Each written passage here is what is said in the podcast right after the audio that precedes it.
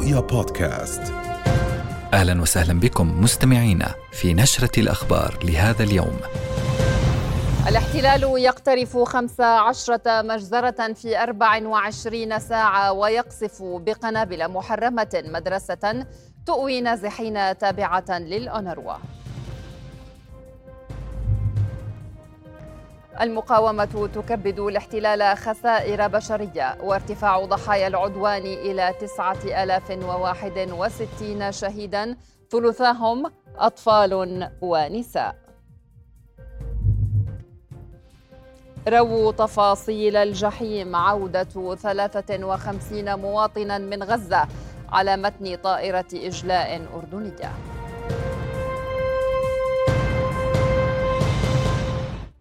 من عناوين النشرة إلى تفاصيلها. في اليوم السابع والعشرين من العدوان المتصاعد على غزة ارتكب الاحتلال الإسرائيلي خمس عشرة مجزرة وطال قصف طيرانه نازحين في شمال القطاع ومدرسة تابعة للأونروا بقنابل الفسفور وقذائف مدفعية. كما شن غارة على سوق مخيم البريج المكتظ أسفر عن استشهاد خمسة عشر شخصا وفقدان آخرين. ومنذ ساعات الصباح الأولى كثف الاحتلال الغارات على مناطق متفرقة في القطاع من بينها مخيم جباليا ومنطقة الفالوجة وحي الزيتون ومحيط مستشفى القدس في تل الهوى. كما شلنا قصفا مدفعيا كثيفا صوب شرق خان يونس وحي النصر والشيخ رضوان. كما أطلقت زوارقه البحرية عدة قذائف على طول الساحل. ومع ارتفاع حدة الغارات الجوية دارت اشتباكات طاحنة بين المقاومة وقوات الاحتلال في عدة محاور بقطاع غزة.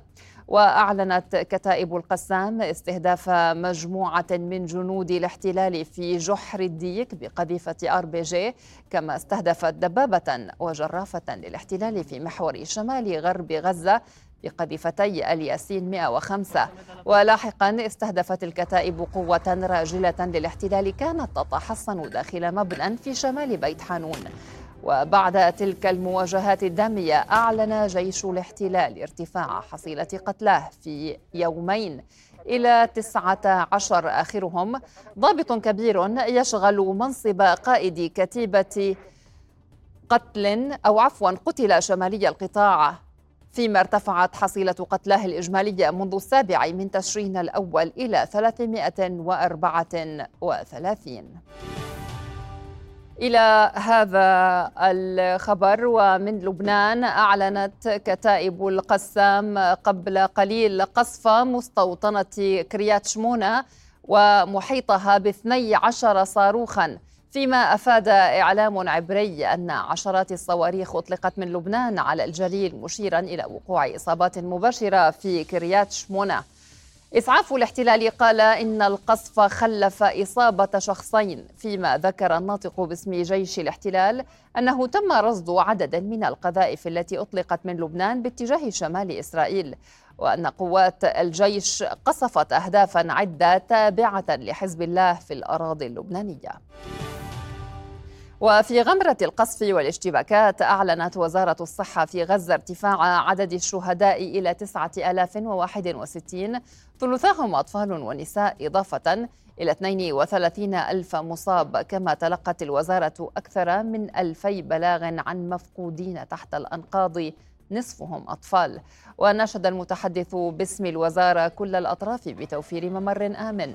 لتدفق المساعدات الطبية إلى غزة بشكل عاجل محذرا من كارثة صحية وشيكة نتيجة قرب توقف مولد مستشفى الشفاء عن العمل. وكان عدد من المستشفيات في غزة قد أعلن توقف عمله كليا أو جزئيا نتيجة نفاذ الوقود. ومن جانبه أعلن دفاع مدني غزة أن طواقمه تضطر للسير على الأقدام للوصول إلى الشهداء والجرحى كما حذر من كارثة حقيقية وتوقف كامل للخدمات بسبب نقص الوقود.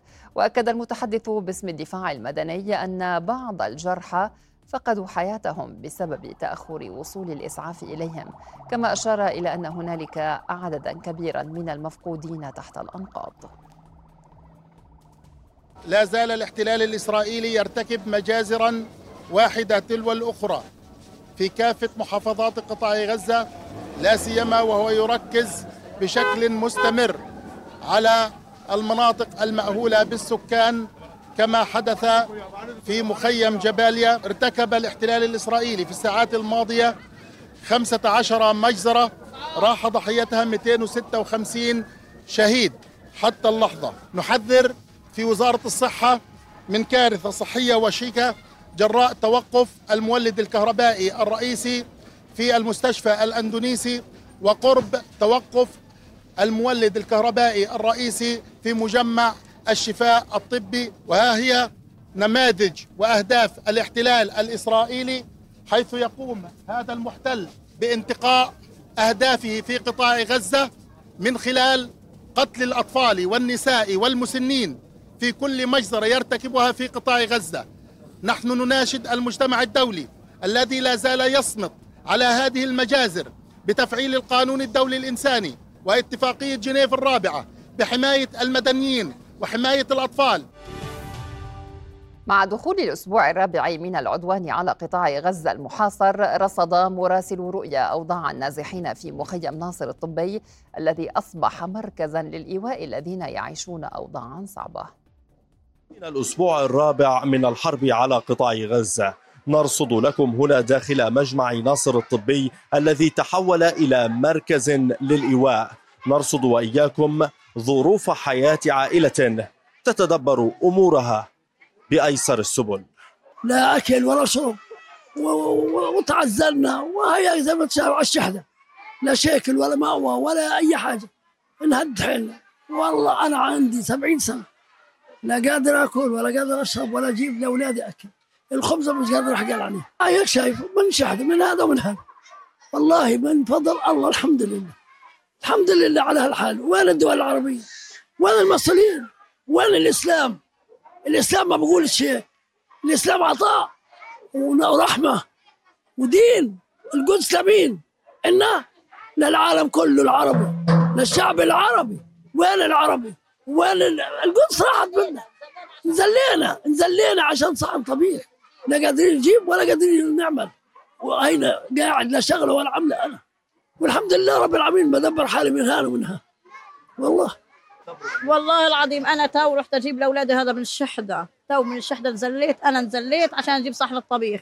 قتلت رميت وطلعت. بديش انزل أكثر من هيك أنا بنزل عشان اطعم أولاد الشباب. بنات عرايس وجوزي زلمه كبير يعني بالسن ما أنت شايفه هي ولا بقدر يشتغل ولا بقدر يعمل حاجة ولا يجيب حاجة. وعيان.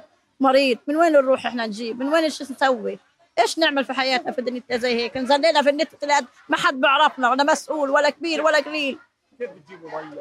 والله بالذل كل حاجة بالذل. إحنا بالذل بنحب نجيب حاجتنا بذل. يا بنعاف يا بنطلع يا بننزل يا بنروح برا يا بنجيب من هنا ومن هنا. من وين نروح نجيب أكثر من هيك؟ إيش نسوي في حياتنا أكثر من هيك؟ والله إحنا ناسين من خليون من المعسكر. ناسحين من بيوتنا سايبين بيوتنا اللي كنا عايشين فيها مرتاحين. جينا من مستشفى لمدرسة لدار بنتشرد من شوارع من شارع لشارع. بنشوفش مكان مرتاحين فيه. يعني إحنا متوترين. خوف رعب ليل نهار رعب. زي ما أنت شايف بننامش نرتاحش. الليل بننامش منه بخوف رعب. بنحس الليل رعب. من اللي إحنا شايفينه بننامش نتوتر. بنحس إشي إيه، بخلينا نموت بزيادة. مش نستشهد. من الخوف إحنا بدنا نموت. بأقل الإمكانيات يتدبر الفلسطينيون الذين نزحوا من منازلهم أحوالهم دون أن تتوفر لهم سبل الحياة الكريمة حتى أبسطها. أما الآن ينضم إلينا من غزة مراسلنا هناك غازي العالول. غازي أهلا بك. يعني غازي 15 مجزرة ارتكبها الاحتلال هذا اليوم بالإضافة إلى قنابل محرمة دوليا ويعني استهدف بها مدرسة تضم نازحين. ضعنا في التفاصيل لديك إلى هذه الساعة. نعم تحية لك ليلى. بالفعل هو استمرار لمسلسل الإبادة الجماعية الذي يعيشه الفلسطينيون هنا في قطاع غزة بالنظر إلى كثافة النيران التي تتساقط على منازلهم آه، في أكثر من منطقة وليس فقط في شمال القطاع ومدينة غزة على اعتبار أنها أصبحت منطقة آه، آه، أمنية وعملياتية عسكرية مغلقة. بل هنا أيضا في جنوب القطاع وفي المنطقة الوسطى شهدنا مجازر آه، طوال الأيام الماضية، آخر هذه المجازر كان استهداف منزل أو عفوا آه، آه، مجموعة من المنازل في منطقة البريج إلى الشرق من المنطقة الوسطى في قطاع غزة. وهذا التدمير ارتقى على إثره 15 شهيدا وعشرات الإصابات. حتى تواصل اطقم الدفاع المدني محاولة انتشال الجثامين لكنها أصدرت بيانا قالت فيه إن هناك صعوبة في الوصول آه، والتنقل لسيارات الدفاع المدني وكذلك لكل الكوادر الطبية لنقل الإصابات والشهداء بالنظر إلى تدمير البنية التحتية والشوارع الواصلة إلى هذه المنطقة. حجم الدمار كبير ومكثف في أكثر من منطقة آه، آه، وأماكن الاستهداف تعتبر مناطق يعني نقاط حمراء لا يمكن ابدا التواجد فيها لفترات طويلة سيما المناطق الحدودية منطقة البريج هي منطقة حدودية في الشرق من آه، آه، المنطقة الوسطى وكان هناك توغلا لآليات الاحتلال آه، قبل أيام وبين يعني لحظة وأخرى من المتوقع أن يكون هناك اشتباكات في هذه المنطقة. اليوم أيضا كان هناك خلال الساعة الماضية استهدافات عنيفة في محيط مستشفى القدس وهو المستشفى المهدد في أكثر من مرة من خلال الجيش الأحتلال الإسرائيلي بقصفه وطالبت النازحين فيه والمرضى والكادر الطبي بضرورة إخلائه نظرا آه، لحساسية هذا المستشفى كما يدعي الاحتلال بأنه مقر لقيادة حماس وأحد المقرات بالنسبة للمقاومة الفلسطينية. في محيط هذا المستشفى أحزمة نارية شهدناها بعنف كانت قد طالت منازل المدنيين. بعض هذه الاستهدافات خلفت حرائق في منازل أو أبراج التي يسكنها المدنيين باعتبار منطقة تل الهوى هي منطقة مليئة بالأبراج السكنية. وأيضا في ذات المحيط تدور اشتباكات عنيفة بين قوات الاحتلال المتوغلة والواصلة إلى هذه النقطة مع المقاومة الفلسطينية التي أكدت بأنها تتصدى بكل بسالة لهذه التوغلات وهناك خشية من المواطنين النازحين في هذه المنطقة من وصول جنود الاحتلال الإسرائيلي للمستشفى وهم لا يعرفون ما الذي سيكون مصيرهم في حال وصل الاحتلال إلى هذه المنطقة. نعم نشكرك جزيل الشكر مراسلنا غازي العلول كنت معنا مباشرة من قطاع غزة. استشهد الطفل أيهم الشافعي الذي يبلغ من العمر 14 عاما اليوم متأثرا بجروحه فيما أصيب ثلاثة شبان برصاص قوات الاحتلال خلال اقتحامها مدينة البيرة هذا وتسللت قوة خاصة إلى شارع نابلس في المدينة قبل أن تتبعها عدة دوريات عسكرية وسط إطلاق الأعيرة النارية وقنابل الغاز. ننتقل الآن مباشرة إلى رام الله مع مراسلتنا هناك أسيل سليمان. أسيل أهلا بك. يعني أسيل وصل عدد الشهداء منذ بدء معركة طوفان الأقصى إلى 136 شهيدا ومعظمهم ارتقوا اليوم إثر مواجهات مع قوات الاحتلال في معظم محافظات الضفة الغربية المختلفة. أسيل أجملي لنا أبرز التطورات لديك حتى هذه اللحظة. نعم آخر الأخبار الميدانية التي وصلتنا آه، فعليا هو دعوات المستوطنين واستنفارهم على الطرق الخارجية للقرى الشمالية الفلسطينية وأيضا في الأغوار الشمالية. نحن نعلم أنه منذ بداية العدوان عدوان الاحتلال على قطاع غزة منذ 27 يوما نشاط المستوطنون أو المستوطنين في الضفة الغربية تضاعف آه، آه، إلى مستويات غير مسبوقة من ناحية مثلا الاعتداء على المزارعين دهس ماشيتهم وسرقتها وسرقة محاصيل الزيتون. الزيتون وحرقها وأيضا مصادرة أراضيهم بوضع اليد تحت تهديد السلاح. هذا هذه الحملات التي يشنها المستوطنون على المدن آه، عفوا على الطرق الخارجية للقرى والمدن الفلسطينية. باتت اليوم تواجه بطريقة أخرى من قبل الشبان الفلسطينيين. طبعا إلى جانب آه، آه، يعني لنقل ممارسة المواجهات مع هؤلاء المستوطنين أو أداء المواجهات معهم. هناك أيضا مجموعات شبابية باتت تتعمد البقاء لوقت متأخر آه، في هذه الطرق التي آه، يعني من هناك احتمالات عالية لبقاء المستوطنين فيها أو تواجدهم فيها وتكون عادة قريبة من المستوطنات. يتواجد الشبان الفلسطينيين بمجموعات كبيرة حتى لا يتمكن المستوطنون من الاستفراد بالشبان أو بالمسافرين عبر الطرق والقرى الفلسطينية. هذا من جانب. من جانب آخر نتحدث عن قرابة كما ذكرت 140 شهيدا في الضفة الغربية وآلاف آلاف الجرحى ما يزالون يتلقون العلاج في المستشفيات. هناك 1900 أسير أو معتقل جديد منذ بداية العدوان على قطاع غزة. ينضمون لآلاف غيرهم من الأسرى داخل السجون. اقتربت حصيلة الأسرى في السجون آه، في سجون الاحتلال المختلفة. إلى قرابة السبعة آلاف أسير ما دفع الاحتلال حتى بنازيته أن يوسع السجون ببناء غرف اعتقالية جديدة وحتى خيام اعتقالية جديدة مثلا في معتقل عوفر. 80% من هؤلاء الشبان المعتقلون حديثا خلال طوفان الأقصى هم حولوا مباشرة إلى الاعتقال الإداري بينما يقبع ألف منهم على الأقل إلى التحقيق العسكري الذي استشهد ضحيته أسيرا منذ بداية العدوان. وهذه فقط ما تصلنا من أخبار. هناك تعتيم آه، آه، بشكل لنقل آه، غير مسبوق على السجون منذ بداية طوفان الأقصى وهي سياسة عقابية أخرى ينتهجها الاحتلال بحق الأسرى. لا تردنا معلومات منذ أسبوع على الأقل إلا أعداد المعتقلين أسماء بعضهم بعض الذين حولوا إلى الاعتقال الإداري. لا توجد وبعض الذين جددت لهم الأحكام الإدارية السابقة. غير ذلك لا نعلم إذا ما عادت المياه عادت الكهرباء هل أعاد أعادت إدارة السجون الوجبات إلى كميتها وعددها السابقين هل سمحت الفورة وهي نعم. الفسحة؟ مثلا في في ساحة السجن لا تردنا معلومات حول ذلك إطلاقا. نعم. أسيل تنشد حركة ال BDS في الضفة الغربية يعني كما في جميع آه، الدول من حولنا بالدعوة إلى مقاطعة البضائع الإسرائيلية والأمريكية. كيف هي الاستجابة والتفاعل مع دعوات المقاطعة هذه؟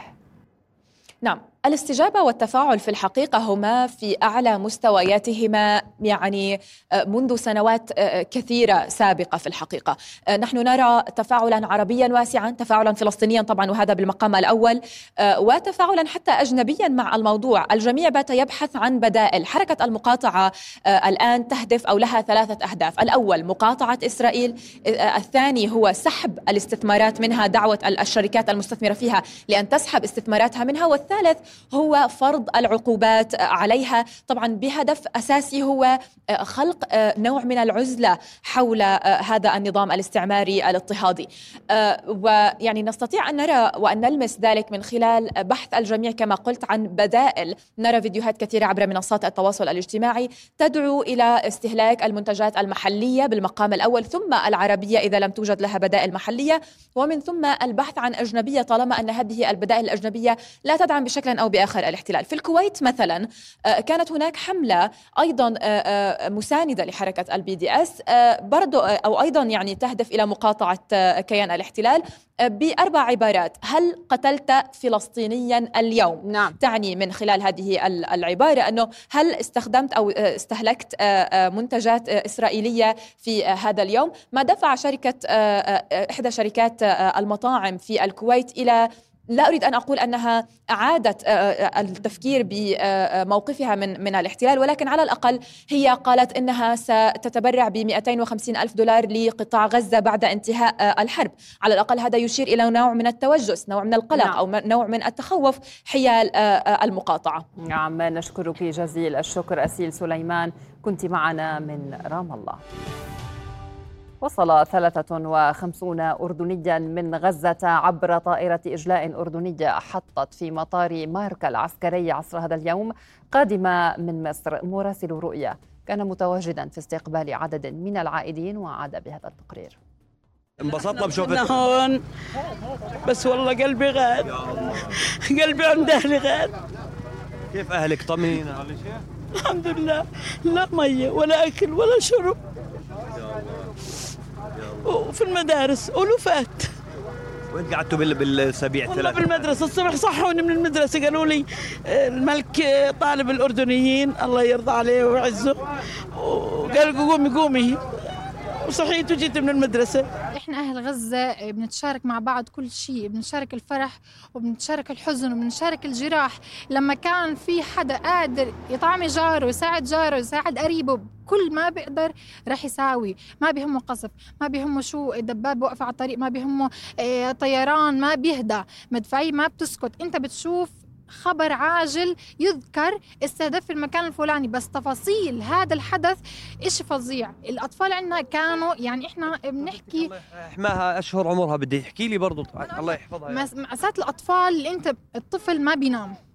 أكله مش طبيعي نوم مش طبيعي حتى السيدات حتى يعني أنت حاطه ابنها في حضنها. أنا أحد من الناس كنت أقرأ سورة البقرة وأحط اولادي في حضني واحد على اليمين واحد على اليسار بحيث إنه يعني يا رب يعني اصطفينا مع بعض. هيك هيك كل أهل غزة. هيك كل أهل غزة. كادر الأردني للأمانة من المعبر لحد ما وصلوا هنا يعني قمة. طبعا. آه, آه والله. الله يعني صار آه، في تأخير وأشياء بس ضروري. طبيعي. لأنه في ناس انقصفوا ما حمش لا جوازات ولا إشي. والله يعني أيام رعب. كيف بدي أحكي لك؟ زي ما بتشوفوا. والحمد لله مع إنه طلعنا أكثر من مرة على المعبر ورجعونا. بس الحمد لله المرة زبطت طلعنا طيب وين وين كنتوا في هذه الأيام؟ أول شيء كنتوا بأي منطقة ولا وين نزحتوا؟ آه لا لا كنا بالمشروع يعني برفح أيوه. وبرضه برفح بس من مكان لمكان. بس يعني هاي اللي اختلف. أهلك كيف صحتهم أمورهم؟ ما زالوا في لسه في المدارس؟ آه. آه المدارس ومنطقة مخيم هيك قاعدين فيها بس. يعني إحنا بعز علينا نطلع لكن إحنا طالعين من موت. الدمار في كل مكان الوضع لا يحتمل. لا فإحنا اجانا طوقنا جاء إن إحنا نتمكن نطلع. إحنا قلة قليلة من الجاليه الأردنية اللي موجودين في غزة اللي اتمكنا الحمد لله ربنا منعم علينا تمكنا لكن الوضع هناك سيء فوق ما تتخيل. إحنا كنا والله لآخر يوم في قلب غزة. غزة كانت من غزة من الأماكن المستهدفة المدمرة وكل القطاع غزة مستهدف ومدمر ما في مكان آمن. يعني هي حرب آه، بيقولوها إبادة وتجويع وتهجير. ال 26 يوم بدون اتصالات بدون إنترنت بدون كهرباء بدون مية. يعني إحنا لولا الحظ خدمنا إنه إحنا اجى الاتصال الساعة واحدة ونص الظهر تمكنا إنه حد يبلغنا توجهوا للمعبر. إحنا السفارة حاولوا يتواصلوا معنا كذا مرة والخارجية ما تمكنا ما عارفين يوصلوا لنا. لكن الحمد لله إلنا نصيب إلنا نصيب نطلع الحمد لله. قال القيادي في حركة المقاومة الإسلامية حماس أسامة حمدان إن الإدارة الأمريكية شريك في كل دم سفك في غزة. وأضاف حمدان في مؤتمر صحفي من مكتب الحركة في لبنان أن العدو يرتكب مجازرة. وكل من يصمت عنها هو شريك فيها مشيرا إلى أن الواقع الصحي في غزة كارثي. العدو بات يستخدم الآن أسلحة محرمة دوليا من الفسفور الأبيض وغيره التي لا تكتفي بالقتل ولكنها تذيب الأطراف وتمزق الأجساد إلى أشلاء العشرات من الشهداء وصلوا إلى المستشفيات أشلاء محترقة باستخدام عدونا سلاحا محرما دوليا تزوده به الإدارة الأمريكية. إننا نعتبر أن الإدارة الأمريكية وكل الذين يصمتون عن عدوان هذا الكيان على شعبنا هم شركاء في كل دم سفك. هم شركاء في تسعة آلاف وواحد وستين شهيد. وعلى حدود لبنان الجنوبية استهدف حزب الله بصاروخ موجه موقعا لقوات الاحتلال قبالة بلدة حولة كما أطلق صاروخا مضادا للدبابات على نقطة عسكرية في منطقة المنارة. وكان حزب الله قد أعلن فجر اليوم أن مقاتليه أسقطوا طائرة مسيرة للاحتلال بواسطة صاروخ أرض جو كما هاجم بقذائف مدفعية عددا من مواقع الاحتلال مقابل الحدود بالقذائف المدفعية والصواريخ الموجهة من بينها بياض بليدة وحدب البستان وكتيبة زرعيت وتجمع لآليات الاحتلال قبالة بلدة عيت الشعب. وفي المقابل شنت مقاتلات الاحتلال غارات على محيط بلدتي راميا والقوزح. كما قصف بالمدفعية محيط بلدات عدة محاذية لخط الحدود. إلى ذلك أعلن حزب الله استشهاد أحد عناصره عند الحدود لترتفع حصيلة شهداء الحزب إلى 49 منذ السابع من تشرين الأول. ولاحقا عثر الصليب الأحمر وقوات اليونيفيل صباح هذا اليوم على جثتي شابين استشهدا برصاص جيش الاحتلال أثناء رعيهما الماشية بالقرب من نهر الوزاني هذا ومن المنتظر أن يظهر أمين عام حزب الله اللبناني حسن نصر الله غدا الجمعة في إطلالة هي الأولى له بعد سلسلة مواجهات بين الحزب وقوات الاحتلال الإسرائيلي منذ بدء العدوان على غزة قبل 27 يوماً. فإذا 106 سنوات على الوعد المشؤوم كما يسميه العرب والفلسطينيون وعد بلفور الذي كان سببا في إنشاء كيان الاحتلال. إذ تتزامن ذكرى هذا الوعد مع مقاومة الشعب الفلسطيني للاحتلال وتمسكه في أرضه رغم أنف كل الوعود.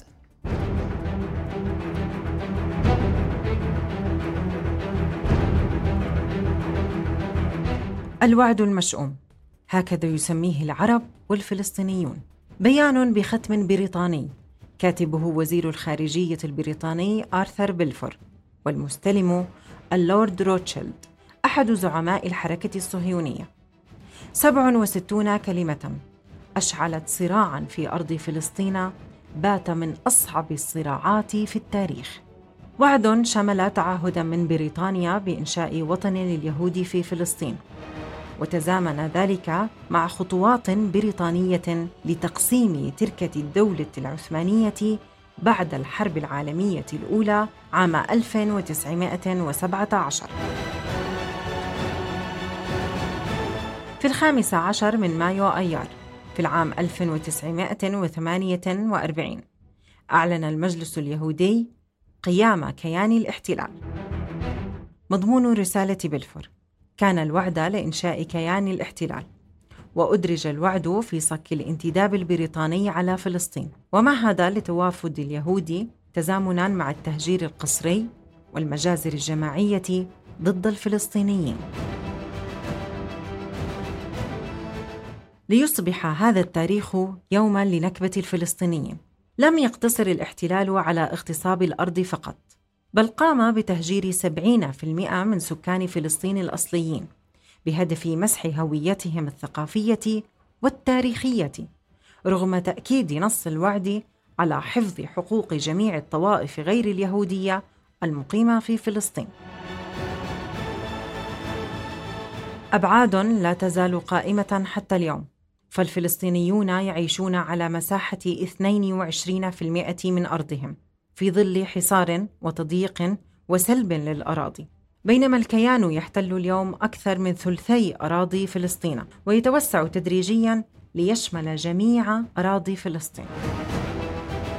في كل عام يطالب الشعب الفلسطيني بريطانيا بالاعتذار عن وعدها إلا أنها ترفض الاعتذار وتتجاهل المطالبات الفلسطينية. توفي آرثر بلفور عام 1930 ولكن ما زال الوعد موجودا إلى يومنا هذا.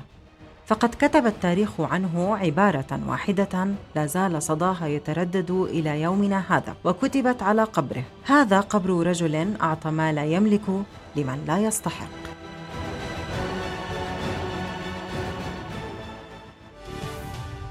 للمرة الثانية على التوالي والثالثة خلال العام قرر البنك المركزي الأردني تثبيت أسعار الفائدة على أدوات سياسته النقدية. البنك المركزي أكد في بيان صحفي استمرار متابعته لأداء الاقتصاد الوطني بالتوازي مع التطورات العالمية والجيوسياسية في المنطقة. كما أكد ثقته بأداء الاقتصاد الوطني.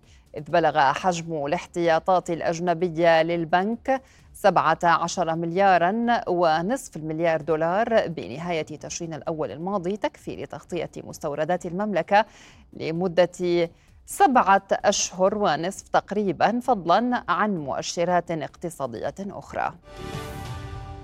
أرسل الأردن طائرة مساعدات إغاثية جديدة إلى معبر رفح لإدخالها إلى قطاع غزة بحسب ما أعلنت الهيئة الخيرية الأردنية الهاشمية. الطائرة تحمل مواد إغاثية وطبية وحسب قائمة الاحتياجات والأولويات الواردة إلى الهيئة وسيتم تسليم المساعدات لوكالة الأونروا ليصار إلى توزيعها على المستشفيات في القطاع.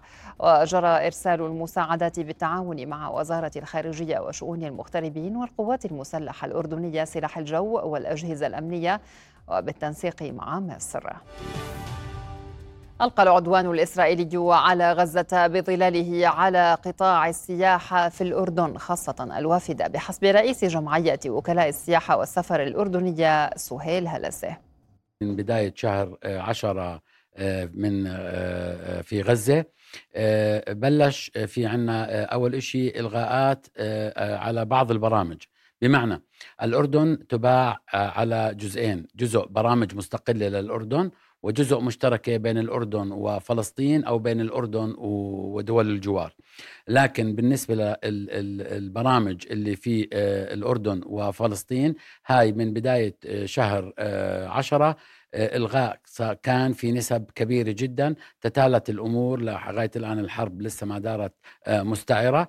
إنه الغاءات بشهر 11 و12 بنسبة تقريبا كاملة جدا والسبب يعود إلى ذلك لقطع الخطوط الطيران على الجانب الآخر وعدم السماح الجانب الآخر لمرور المجموعات السياحية فهذا تأثر في 100% بالنسبة للجانب الأردني في نسبة إلغاءات كبيرة. مع استمرار حظر إدخال الوقود تفاقمت معاناة أهالي قطاع غزة بسبب النقص الحاد بالمواد الغذائية. فوجد النازحون في القطاع مصادر جديدة لتجهيز الطعام. الأهل يلجؤون إلى قطع الأشجار وجمع مخلفات الورق والكرتون لاستخدامها في إشعال النيران وفق الطرق التقليدية القديمة لتحضير الطعام والخبز لإسكات جوع عائلاتهم. هذا ويعاني مئات آلاف من النازحين صعوبة في توفير الخبز وغيره من المواد الأساسية في وقت يصطفون فيه لساعات أمام المخابز التي تراجع إنتاجها بشكل قياسي على أمل الحصول على رغيف واحد. لليوم السابع والعشرين يقف الأردنيون صفا واحدا ضد عدوان الاحتلال الإسرائيلي على غزة وينفذون وقفات وصلوات ومهرجانات حاشدة في مختلف مناطق المملكة. أعلنت البحرين اليوم مغادرة السفير الإسرائيلي أراضيها وسحب سفيرها من تل أبيب إضافة إلى وقف العلاقات الاقتصادية معها احتجاجا على حربها في قطاع غزة. وذكر مجلس النواب البحريني في بيانه أن هذه التطورات تأتي تأكيدا للموقف البحريني في دعم القضية الفلسطينية والحقوق المشروعة للشعب الفلسطيني. وأشار المجلس إلى أن استمرار الحرب والعمليات العسكرية والتصعيد الإسرائيلي المتواصل في ظل عدم احترام القانون الإنساني الدولي يدفعان المجلس إلى المطالبة بالمزيد من القرارات والإجراءات التي تحفظ حياة وأرواح المدنيين في غزة وكافة المناطق الفلسطينية. الصينية هذا ووقعت إسرائيل مع كل من البحرين والإمارات. اتفاقيتين لتطبيع العلاقات في أيلول عام 2020 برعاية, برعاية أمريكية عرفتا باتفاقيات أبراهام. وجاء موقف البحرين بعد قرار الأردن استدعاء سفيره في تل أبيب يوم أمس مع التأكيد على رفضه عودة السفير إلى عمان. في خطوة غير مسبوقة في المنطقة شرع البرلمان التونسي اليوم في مناقشة مشروع قانون يجرم التطبيع مع الكيان الصهيوني. وفي افتتاحية الجلسة أكد رئيس البرلمان إبراهيم بودربالة أن تونس ستبقى على موقفها الثابت بأن القضية الفلسطينية هي القضية المركزية ويجب تحريرها من النهر إلى البحر واسترجاع كامل الوطن ولا شرعية للكيان وفق قوله. ويتضمن مقترح القانون ستة فصول تجرم التطبيع بكافة أشكاله مع الكيان كما توجه تهمة الخيانة العظمى إلى كل من تخابر مع الكيان الصهيوني ويعاقب مرتكب جريمة التطبيع بالسجن مدى الحياة أو لمدة تتراوح بين ست سنوات واثنتي عشرة سنة وبغرامة مالية تصل إلى 100 ألف دينار تونسي أي نحو 30 ألف يورو. وفي السادس والعشرين من الشهر الماضي أثار امتناع تونس عن التصويت على مشروع القرار العربي في الجمعية العامة للأمم المتحدة بشأن وقف إطلاق النار في قطاع غزة جدلا واسعا. في حين بررت السلطات التونسية موقفها بوصف مشروع القرار بالمنقوص.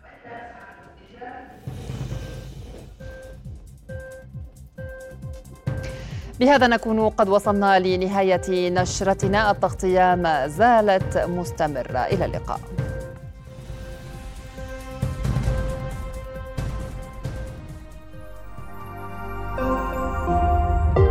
رؤيا بودكاست.